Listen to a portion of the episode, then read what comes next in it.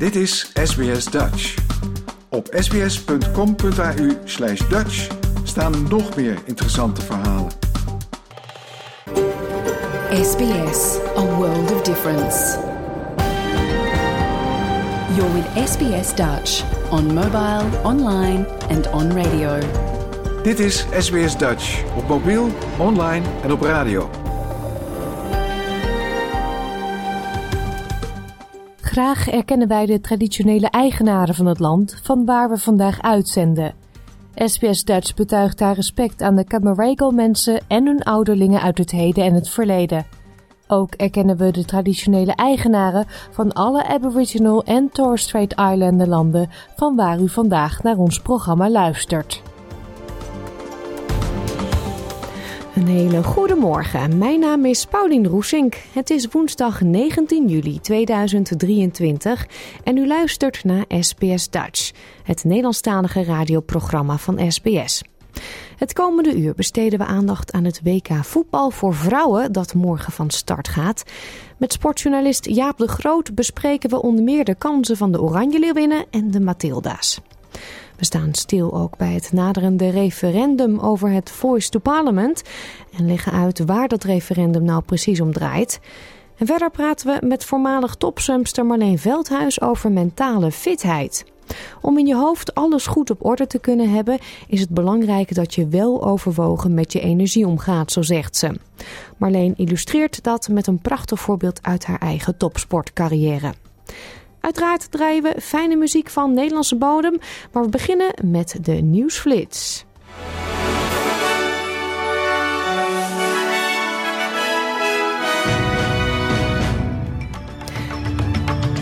Dit is de SBS Nieuwsflits van woensdag 19 juli. Mijn naam is Paulien Roesink.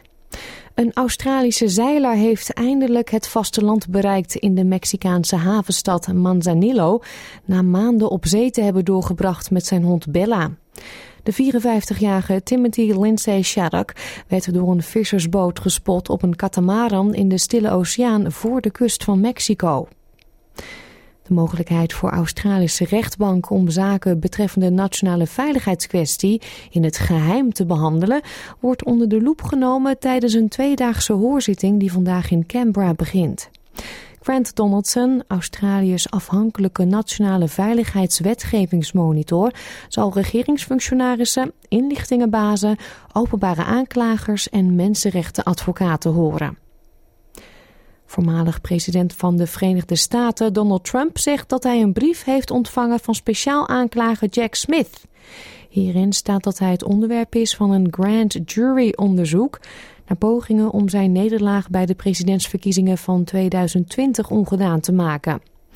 Dit zou tot nu toe het duidelijkste teken zijn dat Trump, die aan kop gaat in de race voor het Republikeinse presidentskandidaatschap voor de verkiezingen van volgend jaar, mogelijk te maken krijgt met federale strafrechtelijke vervolging wegens zijn pogingen om aan de macht te blijven na de verkiezingsnederlaag tegen Joe Biden. De Wereldmeteorologische Organisatie waarschuwt voor een verhoogd overlijdensrisico als gevolg van het extreme weer in Europa, Azië en de Verenigde Staten. In de VS worstelt men met extreme hitte en rook van bosbranden uit buurland Canada. Op Hawaii wordt gewaarschuwd voor overstromingen door een tropische storm. En in Europa woeden bosbranden ten noordwesten van de Griekse hoofdstad Athene. Duizenden mensen hebben daarom populaire badplaatsen moeten verlaten. Schaduwminister van Financiën Victoria, Jane Hume, heeft opgeroepen tot iemands aftreden vanwege de annulering van de Commonwealth Games 2026 in Victoria. Gisteren kondigde de premier van Victoria, Daniel Andrews, aan dat zijn staat, waar die spelen oorspronkelijk zouden worden gehouden, niet langer zou hosten omdat kosten veel hoger uitvallen dan verwacht. De Verenigde Naties zeggen dat ze blijven zoeken naar een oplossing om Oekraïens en Russisch graan en kunstmest op de wereldmarkten te krijgen, nu Moskou een deal die de veilige export van graan mogelijk maakt heeft opgezegd. De Zwarte Zee-deal werd vorig jaar bemiddeld door de VN en Turkije om een wereldwijde voedselcrisis te bestrijden. Deze werd verergerd door de Russische invasie van Oekraïne. Oekraïne en Rusland behoren tot de grootste graanexporteurs ter wereld. Tot zover deze nieuwsflits. Volg de SBS Dutch podcast voor meer nieuws en achtergronden of bezoek onze website www.sbs.com.au/dutch.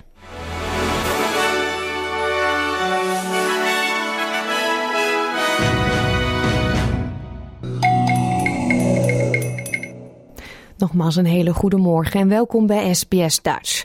Straks praten we met voormalige topzwemster Marleen Veldhuis over mentale fitheid, maar eerst voetbal. Morgen gaat namelijk het wereldkampioenschap voetbal voor dames van start. Australië speelt in Sydney de openingswedstrijd tegen het Ierland van de Nederlandse coach Vera Pauw. Eerder vanochtend belde ik met sportjournalist Jaap de Groot in Nederland om vooruit te blikken op het toernooi. Dit is SBS Radio Dutch.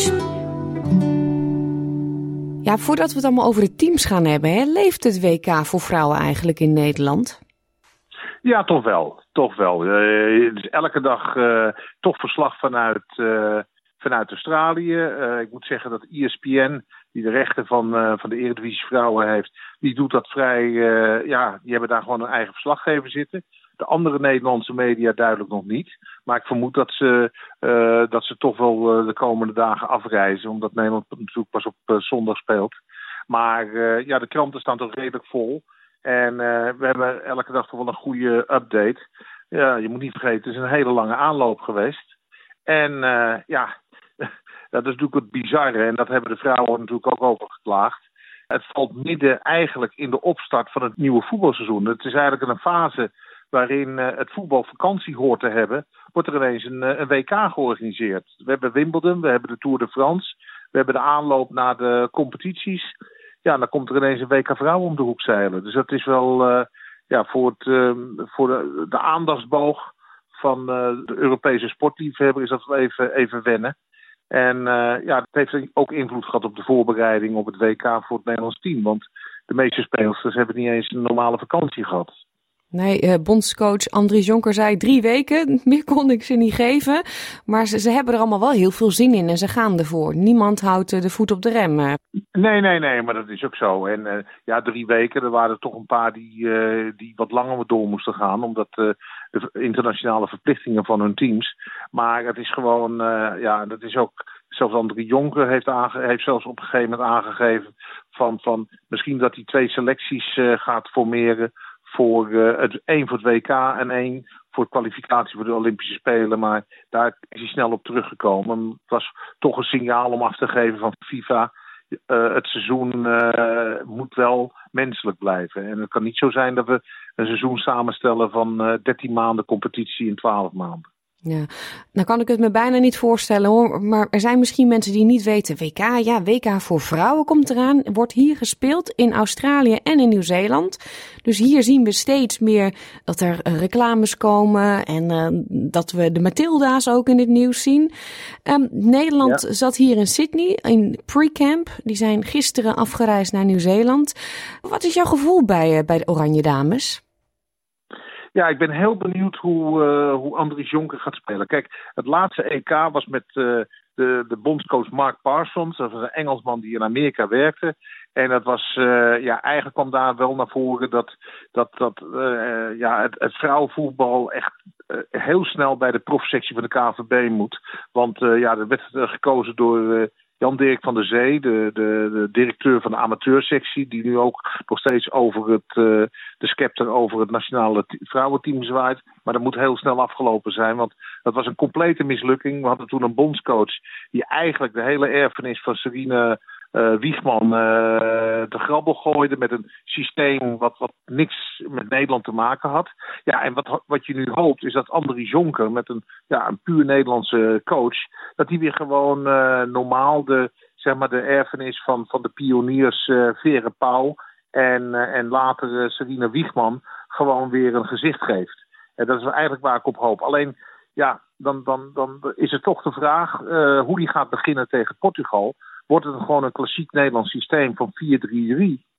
Of gaat hij net als Louis Vergaal uh, het 5-3-2 systeem toepassen op het Nederlands, uh, Nederlands vrouwenteam? En ja, Andries Jonker staat toch bekend als een, uh, als een trouwe volgeling van Louis Vergaal, die toch een soort van mentor voor hem geweest is. Ik ben heel benieuwd, want wat, wat, wat, wat uit de hoog goed gaat komen. Of hij inderdaad met vijf verdedigers gaat spelen en maar twee aanvallers. Of dat hij gewoon de, de Hollandse school gaat toepassen. Ja, dat, die eerste wedstrijd is zondag tegen Portugal, zei je net al. Um, dat is wel een hele belangrijke meteen, hè? Ja, nou ja, dat is precies wat ik ook zeg. Weet je, het is wat, wat, wat enorm verbaasd heeft, wat ik toch wel heel jammer vond.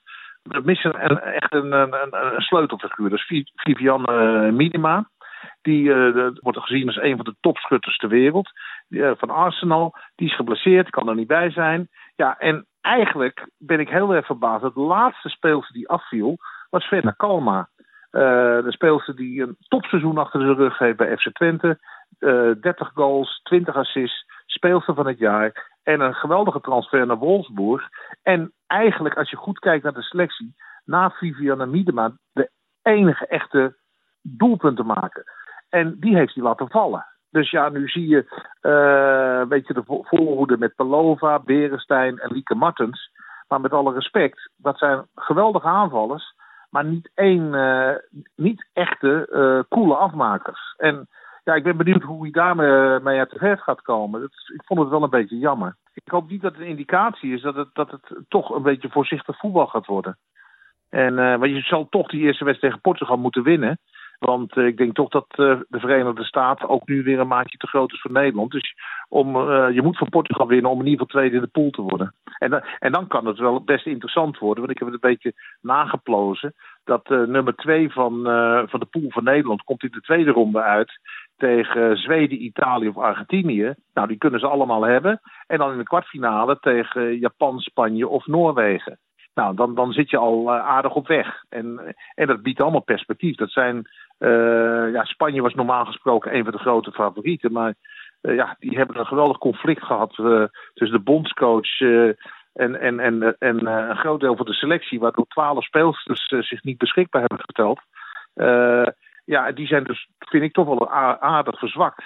Dus dan maakt Nederland, als die dan in de kwartfinale tegen Spanje zouden moeten, toch wel meer kans dan normaal. Ja, uh, Nederland zit in de pool met uh, Amerika. Die hebben al twee keer achter elkaar die uh, cup gewonnen. Hè? Dat is gewoon de torenhoge favoriet. Ja, ja die zijn op jacht naar die derde. Ja, ja, ja, ja, staan ook gewoon één op de FIFA World Ranking. Dus die zijn echt torenhoge favoriet. Ja, ja Amerika, Portugal dus en Vietnam is de laatste, hè? Ja, en Vietnam is echt weer zo'n ploeg. Wat, kijk, er is toch wel heel veel discussie geweest. Of of het WK nu wel in deze fase al van 24 naar 32 landen uitgebreid moest worden. Omdat je natuurlijk ook bij die 24 in Frankrijk waren er ook een paar. Aanvankelijk was het 16, toen ging het naar 24. Maar ja, toen had je de wedstrijden ertussen zitten met 10 doelpunten verschil. Eh, ik kan me de wedstrijd Amerika-Thailand uh, 13-0 uh, herinneren in Frankrijk. Ja, Amerika opent nu tegen Vietnam als dat een slagpartij gaat worden, dat is niet echt sportief gezien echt grappig. En dan heb je ook nog teams als Filipijnen, Haiti erbij zitten. Ja, dus, dus sportief gezien ja, moeten we afwachten of, uh, of de verhoudingen in die eerste ronde niet erg scheef komen te liggen. Maar ja, wat Nederland betreft, wat ik al aangaf, uh, ze maken echt goede kans om tweede te worden. Zijn ze eigenlijk aan de stand verplicht. Ze zijn de nummer 9 van de wereld. Ze staan bij de boekmakers als nummer 8 uh, geboekt. Tenminste, de achtste plaats. Dus ja, uh, Portugal moet te pakken zijn. En dan Vietnam. En dan zit je gewoon in de tweede ronde. En dan ga je naar Australië. En dan zijn jullie ook weer blij. Nou, echt wel. Daar zitten we allemaal met smart op te wachten natuurlijk. Um, voor de Matilda's, het Australische team begint het morgenavond de openingswedstrijd tegen Ierland. Uitverkocht stadion. Zijn dat uh, ongekende praktijken voor het vrouwenvoetbal? Nou nee, want, want, want uh, ik ben zelf in 1999 was ik eh, bij uh, zeg maar de eerste echt grote WK. Die was toen in Amerika. En toen was ik uh, bij de finale USA um, uh, China in de Rose Bowl. Daar zaten toen, ik geloof, 98.000 mensen. En ja, als je dat WK in Frankrijk gezien hebt, overal uitverkochte stadions. Het EK, laatste EK in Engeland, uitverkochte stadions. En zelfs het EK in Nederland, een paar jaar geleden, was overal ook volle bak. Dus ja, wat dat betreft begrijp ik de FIFA wel. Alleen ja, je moet op een gegeven moment wel stap voor stap. Ze zijn nu wel heel erg hongerig naar meer geld en meer, uh, meer status. Maar, maar uh, het neemt niet weg dat de harde kern van, van het uh, vrouwenvoetbal zich heel sterk aan het ontwikkelen is. En Amerika heeft daar, uh, neemt daar het voortouw in. Engeland natuurlijk, waarbij echt alle profclubs het vrouwenvoetbal hebben omarmd. Waardoor het een soort Premier League status aan het krijgen is. Ja, dat is alleen maar goed voor de ontwikkeling. En ja, wat de wedstrijd tegen Australië betreft, krijgt natuurlijk ook een Nederlands tintje. Of een Nederlandse tint. Omdat Vera Pauw natuurlijk de bondscoach van Ierland is. En dus toch de bondscoach met wie het allemaal begonnen is met Nederland. Toen uh, met het EK waarin Nederland de halve finales haalde. En uh, daarna werd uh, het stokje overgenomen Serena Wiegman. Die nu bondscoach is bij Engeland. Een van de, ook na Amerika de grote favoriet. Dus ja, wat dat betreft mogen we niet klagen wat Nederland betreft. Nee, en de Mathilda's, uh, heb je die al een beetje in de gaten gehouden? Want die hebben hun uh, laatste oefenwedstrijd van de week gewonnen van Frankrijk, toch de nummer vier van de wereld. Um, ze hebben Engeland ook een paar maanden geleden verslagen in aanloop naar het WK. En volgens mij zit de spirit er daar goed in en geloven ze in zichzelf. Ja, en terecht. Dat merk je ook. Ze staan ook bij de boekmakers op de zesde positie, staan hoog aangeschreven. Het thuisvoordeel. En je hebt natuurlijk ook gewoon die, de, de Australische winnaarsmentaliteit. Ja, die zijn voor mij ook echt. Uh, dat kon wel eens de Black Horse van het uh, toernooi gaan worden. Nou, dat hopen wij dan toch ook wel een beetje. Oranje en het uh, groen en goud, dat uh, mag uh, bovenaan eindigen.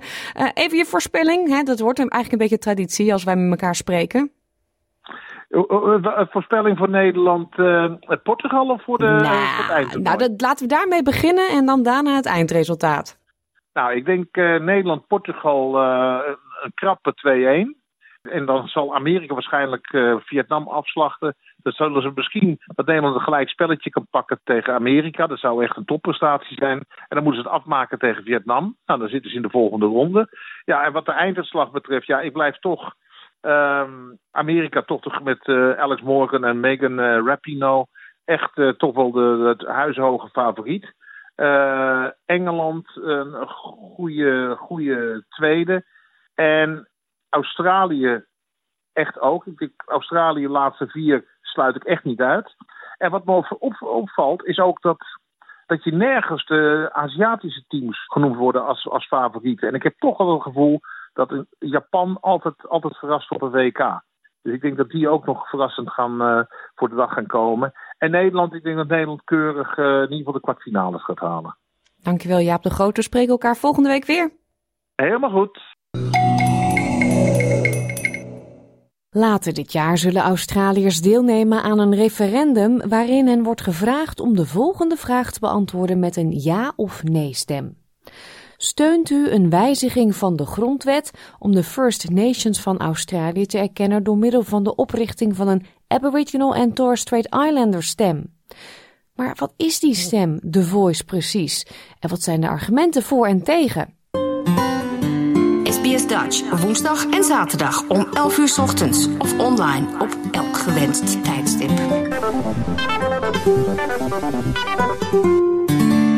In 2017 kwamen 250 indigenous leiders uit het hele land bijeen in Uluru. Daar hebben ze het Uluru Statement from the Heart geformuleerd en onderschreven. Deze eenvoudige maar poëtische reeks woorden vereiste drie dingen: stem, verdrag en waarheid. Professor Megan Davis, lid van de referendumraad, las de verklaring voor het eerst voor tijdens de conventie. We seek constitutional reforms to empower our people and take a rightful place in our own country. When we have power over our destiny, our children will flourish. They will walk in two worlds, and their culture will be a gift to their country. We call for the establishment of a First Nations voice enshrined in the Constitution. Het heeft zes jaar geduurd, maar Australië zal nu gaan stemmen over dit verzoek om de grondwet te wijzigen. Australiërs zullen worden gevraagd om ja of nee te stemmen als antwoord op de vraag: steunt u een wijziging van de grondwet om de First Nations van Australië te erkennen door middel van de oprichting van een Aboriginal en Torres Strait Islander stem? Dus wat is die stem precies? De First Nations Referendum Working Group van de regering zegt dat The Voice een permanent orgaan zou zijn dat bij het Australische parlement en de uitvoerende regering zijn visie geeft over wetgeving en beleid dat van belang is voor de Aboriginals en Torres Strait Islander volkeren. Pat Anderson, een van de leden van de Referendum Working Group, zegt dat er stem nodig is omdat Australië het beter moet doen als het gaat om de First Nations. It's a universal truism that when you involve people that you're making decisions for, you make better decisions and you better allocation of all the resources that are required. This is fundamental to any democracy. And you know, Australia is one of the few liberal democracies in the world that does not have any arrangement, any settlement with its First Peoples. Het idee is niet nieuw. Reconciliation Australia zegt dat Aboriginals en Torres Strait Islanders al bijna een eeuw pleiten voor een politieke stem in een of andere vorm. Minister voor Indigenous Australians Linda Burney zegt dat de oproep moet worden gehonoreerd om de simpele reden dat dit is waar Indigenous leiders om gevraagd hebben na een slopend en grondig proces geïnitieerd door de overheid.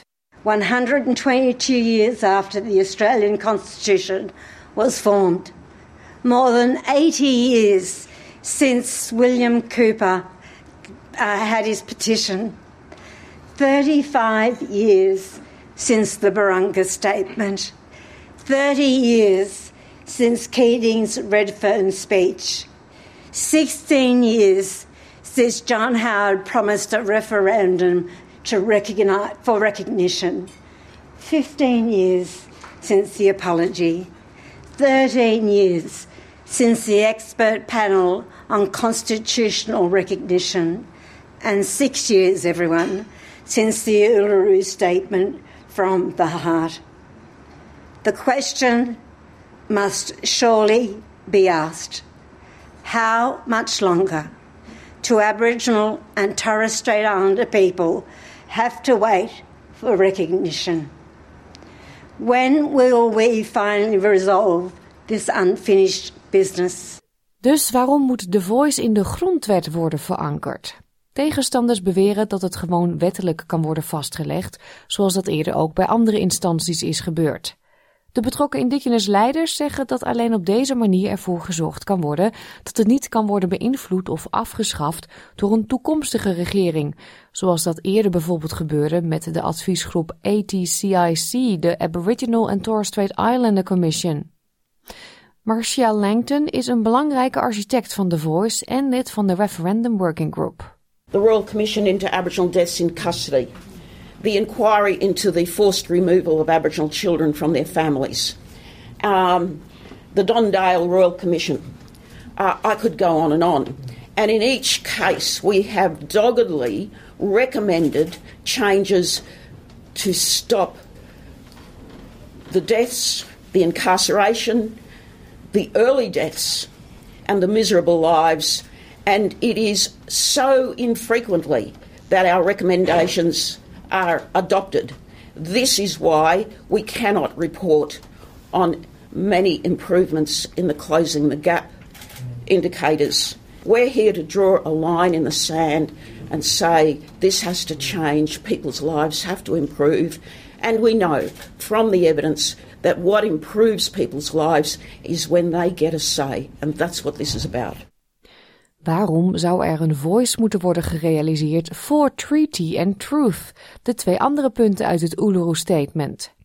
Voorstanders zeggen dat het komt omdat de regering om een verdrag te sluiten een vertegenwoordigend orgaan nodig heeft om mee te onderhandelen, iets dat momenteel niet bestaat. Uit peilingen is herhaaldelijk gebleken dat het Australische publiek in grote lijnen voorstander is van de grondwettelijke erkenning van de oorspronkelijke bewoners van het land. Maar naarmate het debat voortduurt, neemt de steun voor dit specifieke voice-voorstel af. De regering had gehoopt op de steun van oppositiepartijen, want de geschiedenis leert dat zonder het referendum waarschijnlijk niet zal slagen. Maar de coalitie heeft ervoor gekozen om de nee-campagne te steunen. Oppositieleider Peter Dutton noemde het voorstel de Canberra Voice. If a voice is embedded in the Constitution, the Parliament can't change the voice or pass laws to override it. The Parliament cannot out legislate the Constitution.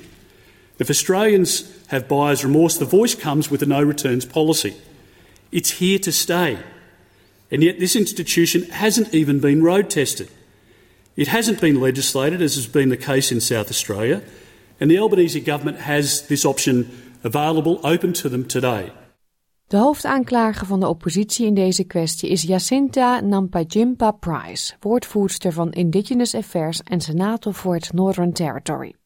Ze zet vraagtekens bij de beweringen dat de Voice praktische voordelen zal hebben en zegt dat het Voice-debat afleidt van de echte problemen waarmee indigenous gemeenschappen worden geconfronteerd. We're being put on hold until this referendum is done, and real issues aren't being addressed immediately because the Albanese government is suggesting that it is a voice to Parliament that is the only thing that is going to solve some of our tough issues, which is completely and utterly untrue. It is his responsibility, it is the Minister for Indigenous Australians' responsibility to address these immediate concerns that are taking place right here, right now. Andere punten van kritiek zijn onder meer dat het Voice-voorstel niet gedetailleerd is, raciale verdeeldheid zaait en kwetsbaar is voor juridische uitdagingen. U hoort Warren Mondine. Hij is woordvoerder van de Nee-campagne.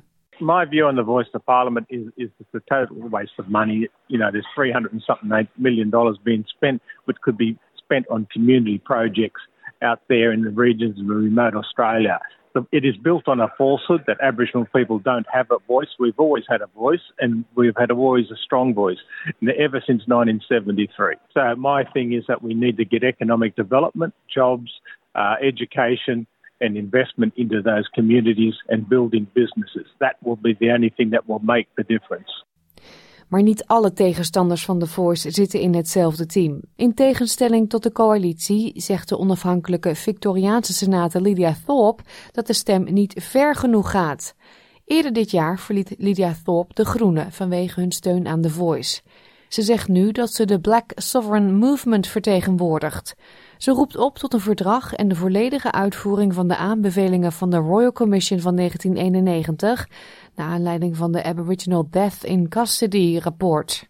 You are crucifying us again, giving us no power. If you were genuine, give us Senate seats in here, like they do in New Zealand. Have a treaty, like they do. Why can't we do that? What are you scared of, Labor? Hawke got sidelined by his Conservatives at the time and told not to pursue treaty. You know that. Keating tried. He got shut down. And Albo's obviously got no guts. Het referendum zal naar verwachting ergens tussen oktober en november plaatsvinden, maar een datum moet nog worden aangekondigd.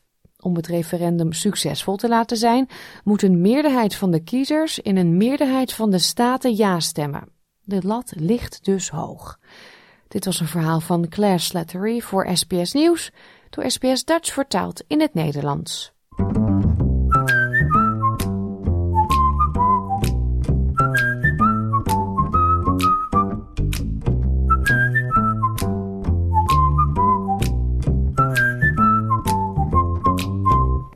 Sinds een paar jaar wordt er steeds openlijker gesproken over de mentale gezondheid.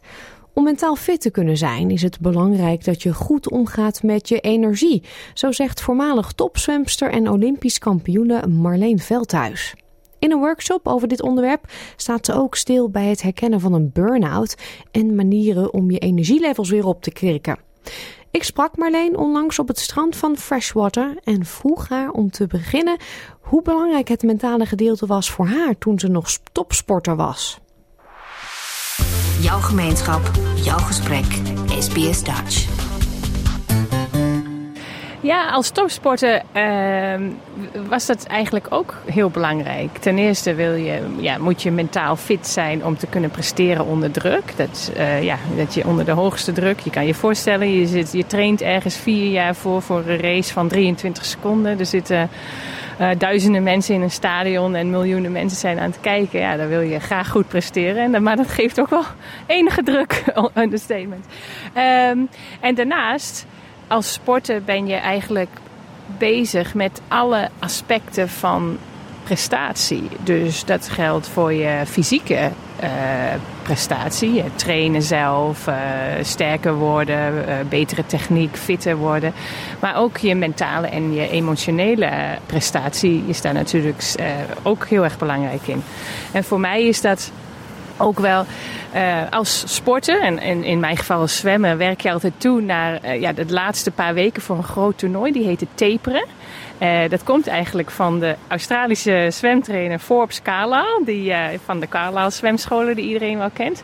Maar die heeft het concept taperen bedacht. En taperen betekent eigenlijk spits toelopen. Dus in de laatste drie weken, drie, vier weken, ja, wil je, werk je naar een topprestatie.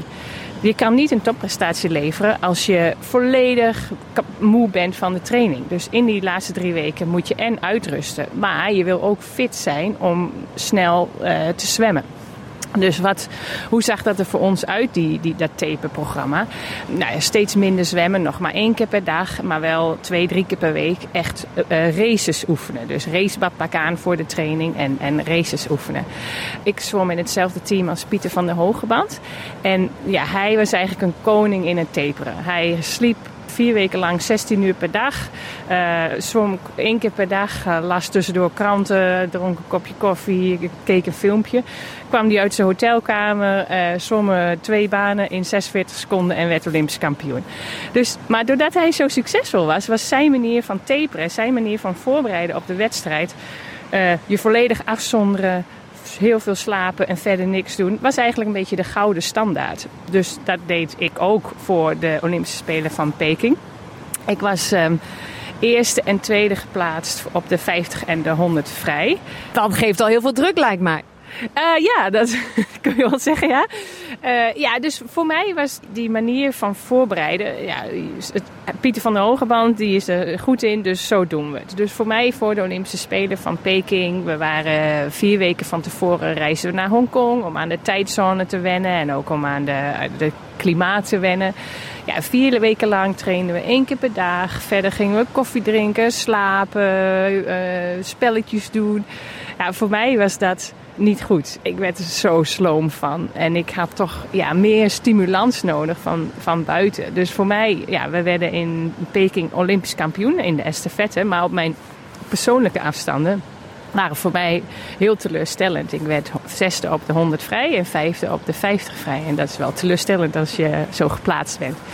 Dus voor de Olympische Spelen van Londen dacht ik, ja, ik moet wat anders doen. Ik was in Peking fysiek helemaal top. Maar mentaal ja, was, ik, was ik er niet klaar voor, voor, voor die races. Dus ik dacht, ja, als ik het nu anders doe, hoe zorg ik ervoor dat ik mentaal klaar ben voor die races? Dus in plaats van vier weken van tevoren naar het toernooi, ben ik in Londen vier dagen van tevoren naar het toernooi gereisd. Dat was zelfs zo laat dat ik in Eindhoven door de stad fiets en dat mensen bij de bakken zeiden: uh, Het begint over vier dagen, moet jij niet, uh, moet jij niet gaan? Ik zei: Ja, dat komt goed. En eh, ja, dat kwam het ook. Ik won daar uh, een medaille op de 50 meter vrijslag. En inderdaad een, uh, een medaille bij de estafette wonnen we ook. Um, en voor mij was ik, ik was, uh, ja, denk ik fysiek beter in Peking, maar veel beter mentaal in, in Londen. Doordat ik gewoon de voorbereiding deed die bij mij paste. Die uh, ja, wat meer sociale interactie, wat meer verschillende dingen doen. Gewoon wat meer stimulans in plaats van alleen maar in een tunnel zitten. Dus ja, ook de mentale gezondheid, de mentale welzijn, ja, is zo belangrijk bij een topprestatie. Of het nou in het zwembad of ergens anders is. En uh, een ander aspect, misschien een beetje off-topic, maar dat is als jij dan zo'n teleurstellende race hebt in Peking, dat er dan ook een camera klaar staat om met je te praten, dan moet je ook sterk in je schoenen staan. Ja, en voor mij, mijn, mijn uh, tactiek om met media om te gaan tijdens die toernooien was eigenlijk. Ik denk dat het groot verschil is met de generaties die nu zwemmen of sporten. Ja, ik zette mijn telefoon uit, ik las geen kranten, ik las niks. Uh, en inderdaad, dan heb je nog steeds wel gelijk na een race dat er een camera in je gezicht staat. Terwijl je ja, rode strepen hebt van je badmuts en je bril. En je staat te hijgen. En uh, hoe vond je het zelf gaan? Um, maar um, ja, dat en met tranen misschien wel die brand, omdat je zo baalt. Ja, en je lichaam zit vol met adrenaline. Want je zwemt een race waar je ongeveer vier jaar lang naartoe hebt gewerkt. Dus ja, je adrenaline komt ongeveer je, je, oren uit. Um, dus ja, ik denk ook niet dat het veel van mijn beste interviews zijn geweest. Maar ja, eerlijk gezegd, ja, ik kijk daar. Ik, ja, ik, ik ik kan me daar niet zo heel erg druk om maken. Ik denk dat is ook juist, ze doen het juist ook, die, dat, die interviews gelijk, omdat ze die emoties willen vastleggen. Ehm, en ik denk, ja, dat, dat, is, uh, dat is gelukt, denk ik wel. Ja, en je zegt al iets heel belangrijks. Voor Pieter van der Hogeband werkte die ene aanpak helemaal top. Dat kokonnen gewoon eigenlijk niks doen, behalve af en toe zo'n race zwemmen. Voor jou werkt dat niet. Dus mental health en eh, je noemde ook energielevels, dat is per persoon natuurlijk verschillend. Ja, en dat is denk ik ook een belangrijk onderdeel van mental health. Is ken jezelf. Wat werkt, wat werkt voor je en wat, wat, wat, ook, wat werkt niet. En zelfkennis zit hem ook. dat is iets wat ik in de topsport ook al heb geleerd. Als topsporter, maar eigenlijk als. Ja, dat, geldt voor iedereen. Maar als sporter is het misschien wat meer zichtbaar. Je bent altijd bezig met een soort balans van energie besteden. Trainen, beter worden. En als je werkt, werken, je hebt een nieuwe baan, je wil een project afmaken. Ja, dat zijn allemaal dingen die energie kosten. En aan de andere kant ja, moet je die batterij ook weer opladen. En als topsporter is dat misschien heel zichtbaar. Als ik tussen de middag niet een dutje deed, ja, dan merkte ik dat s'avonds bij de training. Dat ik toch minder uh, goede tijden kon zwemmen. Um, maar ja, nu als, als voor ons als als eh, bedrijfsatleet eigenlijk, ja, is dat toch weer misschien wat lastiger om dat, die directe link te leggen. Maar wil je nog steeds uh, ja, uh, energie hebben om de dingen te doen die je doet. Dus het is belangrijk om de, je wil de balans hebben tussen enerzijds energie uitgeven. Maar aan de andere kant moet je de batterij ook weer opladen. En dat opladen, ja, dat is voor iedereen ook wel verschillend. Je hebt natuurlijk een aantal basisdingen, slaap, eh, voeding, bewegen. Dat zijn belangrijke dingen die zorgen dat je je energie terugkrijgt. Maar eh, ja, voor de ene helpt een wandeling met vrienden of uitgaan of wat meer sociale dingen. Voor de andere helpt meer, die wil liever yoga doen of in de tuin werken of uh, een leuke film kijken. En ja, dat zijn natuurlijk uh, dingen uh, dat je goede zelfkennis hebt in wat jouw energie geeft. Maar ook wanneer het nodig is dat je je batterij wat aan wil vullen of moet vullen. Ja, want hoe merk je dat? Ja, zijn dat, dat die inkoppertjes? Dat je je gewoon echt moe voelt en nergens zin aan hebt of niks kan doen?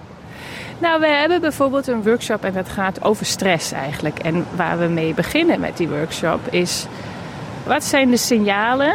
Hoe kan je nou herkennen uh, dat je richting een burn-out gaat? En het belangrijkste daarin is, en waarom doen we dat aan het begin van de workshop? Ja, dan kunnen ook collega's elkaar, je, je creëert een soort taal van, ah ja, ik zie dat je in het rood gaat. Uh, je creëert een soort taal om dat te, bespreekbaarder te maken. Maar een heel belangrijk punt daarbij is een burn-out. Als je het in het Engels zegt, you can only burn out if you have ignited something first. Dus een burn-out begint vaak met: oh, je hebt een nieuwe baan, of je hebt een nieuw project, of je hebt een baan en je gaat daarnaast een huis bouwen. Het begint vaak met iets heel positiefs. Van je hebt er zin in en ja, je vindt het niet erg om lange dagen te maken, om veel uren te maken, want ja, dit is een gaaf project. En omdat je lange dagen maakt en veel uur, en nou ja, weet je, je werkt s'avonds dus wat langer door en je, je gaat dus, nou ja, oké, uh, ik ga wel even wat afhalen, want ik wil dit project afmaken maakt veel uur, dus je hebt succes. Dus je denkt, oké, ik heb alleen succes als ik ja, veel, veel energie daarin steek. Uh, maar ja, goed, dat is niet duurzaam. Na verloop van tijd denk je misschien toch, ja, uh, ja, ik ben toch nu wel een beetje moe. Ja, er komt er een beetje rafeltjes komen in je energie en in wat je doet. Ja, en dan word je al misschien iets sneller geïrriteerd, ietsjes ongeduldiger. Je capaciteit om beslissingen te nemen gaat ook omlaag. Want je, ja, je kan het allemaal niet meer zo goed relativeren. En als je ja, daarin zit en het is lastig om eruit te komen, dan kom je in de volgende fase van, ah ja, ik ja, ik heb niet de energie om ervoor te zorgen dat ik goed uh, vers eet s'avonds. Of uh, ja, ik ga s'avonds, uh, ik kom thuis en ik plof op de bank. Ik ga niet eventjes een half uurtje een wandelingetje maken of, of iets actiefs doen. Ik plof op de bank, ik ga een glas wijn drinken en ik kijk twee Netflix afleveringen. Ja, en zo kom je een beetje in een visueuze cirkel ja, hoe kom je daar nou uit? Hoe doorbreek je dat? Maar de signalen, hoe herken je dat inderdaad? Uh, misschien uh, moeilijke slapen, uh, moeilijk beslissingen kunnen nemen. Eh, het kan ook echt fysiek gevolg zijn. Het kan aan de ene kant mensen zorgen dat het... Aan de ene kant kan het constiperen. Sommige mensen die verstoppen en andere mensen krijgen die, diarree ervan. Dus dat kan ook fysiek uitslag in je gezicht kun je hebben. Of geïrriteerd, ongeduldig. De tekenen zijn er eigenlijk allemaal. Ja, ja, ja. Maar toegeven, dat lijkt me dan lastig.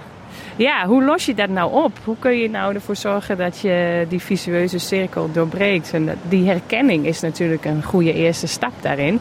En ook toch terug naar de basis, die ook voor mij als sporter geldt. Hoe kan je nou ervoor zorgen dat je je energie terugkrijgt? Meer aandacht aan slaap besteden. Misschien wat in de workshop hebben we daar ook allerlei tips aan besteed. Wat kan je helpen om je slaap te verbeteren? Uh, voeding of bewegen. Misschien een kleine stap in plaats van inderdaad s'avonds gelijk op de bank te ploffen. Een kwartiertje door de, door de buurt lopen. Um, uh, dat soort dingen. Dus uh, ja, dat eerst moet je toch een kleine basisenergie uh, weer terug hebben om ervoor te zorgen dat je dat kunt veranderen. Hmm. En als jij niet goed in je energie zit, je hebt te weinig energie, dan heeft dat natuurlijk effect op jezelf, op je gezin als je die hebt, maar ook als je naar je werk gaat. Je, je, je collega's hebben er ook last van. Ja, ja, ja, zeker. En uh, dus ik denk ook dat, dat we met elkaar als collega's ook een verantwoordelijkheid hebben van uh, ja, hoe gaat het uh, met je? En uh, ja, je bent wel een beetje kort af of kort door de bocht. wat, wat is er aan de hand? Ik ben gewoon Nederlands, kort door de bocht. ja, precies. Recht voor het raap. Nog korter door de bocht. ja, ze hebben hier gelukkig Are You OK Day natuurlijk, elk jaar. Dat is een mooie stap, denk ik. Maar dat mogen mensen wat vaker vragen dan eens per jaar. Ja, dat, zeker. En, uh, ja, en het is misschien ook zo, kijk, uh, door thuiswerken is er misschien toch ook wat afstand ontstaan. Maar uh, ja, dan... En de scheidslijn, die is gewoon heel dun geworden. Want je doet alles vanuit huis nu. Je huis is ook je werkplek en je ontspanplek eigenlijk. Ja, en dat zie ik ook in de workshop. Het is heel veel. Uh, ik vraag altijd aan het einde van: Goh, wat, wat, wat, wat zijn je dingen die je, waar, waar je wat het meeste aan hebt gehad? En heel veel mensen zeggen: Ik geef op een gegeven moment ook tips om hoe je ja, kunt disconnecten. Hoe zeg je dat in het Nederlands? Hoe je kunt uh, uitschakelen even. Uitschakelen. Want inderdaad, als je thuis werkt, ja, dan is het twee stappen van je bureau naar de keuken. En uh, tussen een meeting en even gaan eten met je kinderen is ook, ook uh, een kleine stap. En het zijn vaak hele simpele tips van, oké, okay, doe de deur dicht van je werkkamer als je een werkkamer hebt. Of schakel echt je laptop uit. Of... Uh, uh, ja, oké, je bent klaar met uh, werk. Doe dan, je, je kan je andere kleding aandoen. Als je, alsof je een soort ritueel inbouwt, een soort overgangsritueel van oké, werk is klaar. Uh, ik begin nu met, met privé-tijd. Um, en, ik merk gewoon dat mensen daar best wel. Het zijn eigenlijk hele simpele tips. Het is niet hoog, geen hogere wiskunde. Maar ja, soms een soort verfrissing van. Ah ja, dat ga ik eens proberen. Uh, en bijvoorbeeld ook met je telefoon. Technologie kan daar ook wel helpen. Dan heb je eigenlijk alles goed gedaan. Je bent klaar met werken. Laptop dicht. Eten gekookt. Een wandelingetje gemaakt. Uh, nou ja, van alles gedaan. Kinderen in bed. En dan zit je s'avonds op de bank en dan denk je. Ah ja, nog even kijken. Had je alle e-mails weggewerkt en dan zie je ineens bij de e-mails, daar zie je vijf nieuwe e-mails. Ja, open je dat, begint het weer opnieuw natuurlijk. Dus je kunt ook die notificaties van um, vijf nieuwe e-mails kun je uitschakelen. Dat is een technische uh, oplossing, maar dat kan wel helpen. Of je kunt zelfs de werkgerelateerde apps op je telefoon kun je naar een volgend scherm uh, slepen. Uh, en ja, of helemaal de verwijderen van je privételefoon. Als je inderdaad een privételefoon hebt, kun je je werktelefoon uitschakelen. En um, ja, het, is, het zijn simpele dingen, maar het geeft wel de praktische tips om ervoor te zorgen dat, het, ja, dat, het, uh, dat je echt kan afschakelen, uitschakelen, afsluiten van je werk s'avonds. Ja, en jij coacht dus nu mensen hè, op dit vlak. En wat is nou die ene gouden tip die je dan cadeau kan geven nu? De ene gouden tip. Ja, ik denk. Um, ja, dan moet ik heel goed nadenken, want ik wil natuurlijk wel de gouden tip geven. ja, uh, balans. En dat klinkt een beetje soft en zweverig, maar dat is het totaal niet. We willen allemaal, en dat is ook een beetje paradoxaal, we willen allemaal stabiliteit en inderdaad uh, geen stress. Of, maar aan de andere kant willen we wel die promotie en we willen wel graag succesvol zijn. Dus ja, om daar een balans in te vinden uh, is een uh, essentieel onderdeel van het leven. En Misschien eigenlijk nog een betere tip is dat je batterij opladen, dus herstellen, energie opladen, in welke vorm dan ook, is een essentieel onderdeel van prestaties. Als topsporter kun je niet presteren als je niet na een training rust, herstelt. Precies hetzelfde geldt voor ons bedrijfsatleet. We kunnen niet maar doorgaan, doorgaan projecten. Als je een project afsluit, sluit je het af. Ga je met je team zitten. Uh, wat ging er goed, wat ging er niet goed, voordat je met een nieuw project begint. Of je hebt een jaar, een financieel jaar eindigt. Wat, eh, wat hebben we in dit financiële jaar? Wat waren de tops, wat waren de flops? En hoe gaan we verder met het nieuwe jaar, met het nieuwe seizoen? Met welke spelers en dat soort dingen. Dus herstel is een essentieel onderdeel van prestatie. U hoorde oud eh, voormalig topzwemster wilde ik zeggen Marleen Veldhuis. We komen hiermee aan het einde van deze uitzending van SBS Dutch. Op onze website www.sbs.com.au Dutch kunt u deze uitzending en al onze andere interviews en podcastseries terugluisteren. Denk dan aan de series Leer Nederlands bijvoorbeeld, Australië tot nu toe en de podcast podcast.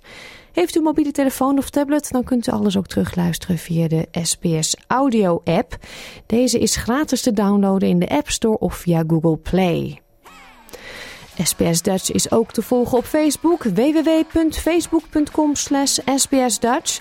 Geef ons een like en reageer op onze onderwerpen. We sluiten vandaag af met muziek van Ilse de Lange. Lekker country. Living on Love. Ik wens u een hele fijne middag en graag tot zaterdag. Wil je nog meer soortgelijke verhalen? Luister via Apple Podcasts, Google Podcasts, Spotify of waar je je podcasts dan ook vandaan haalt.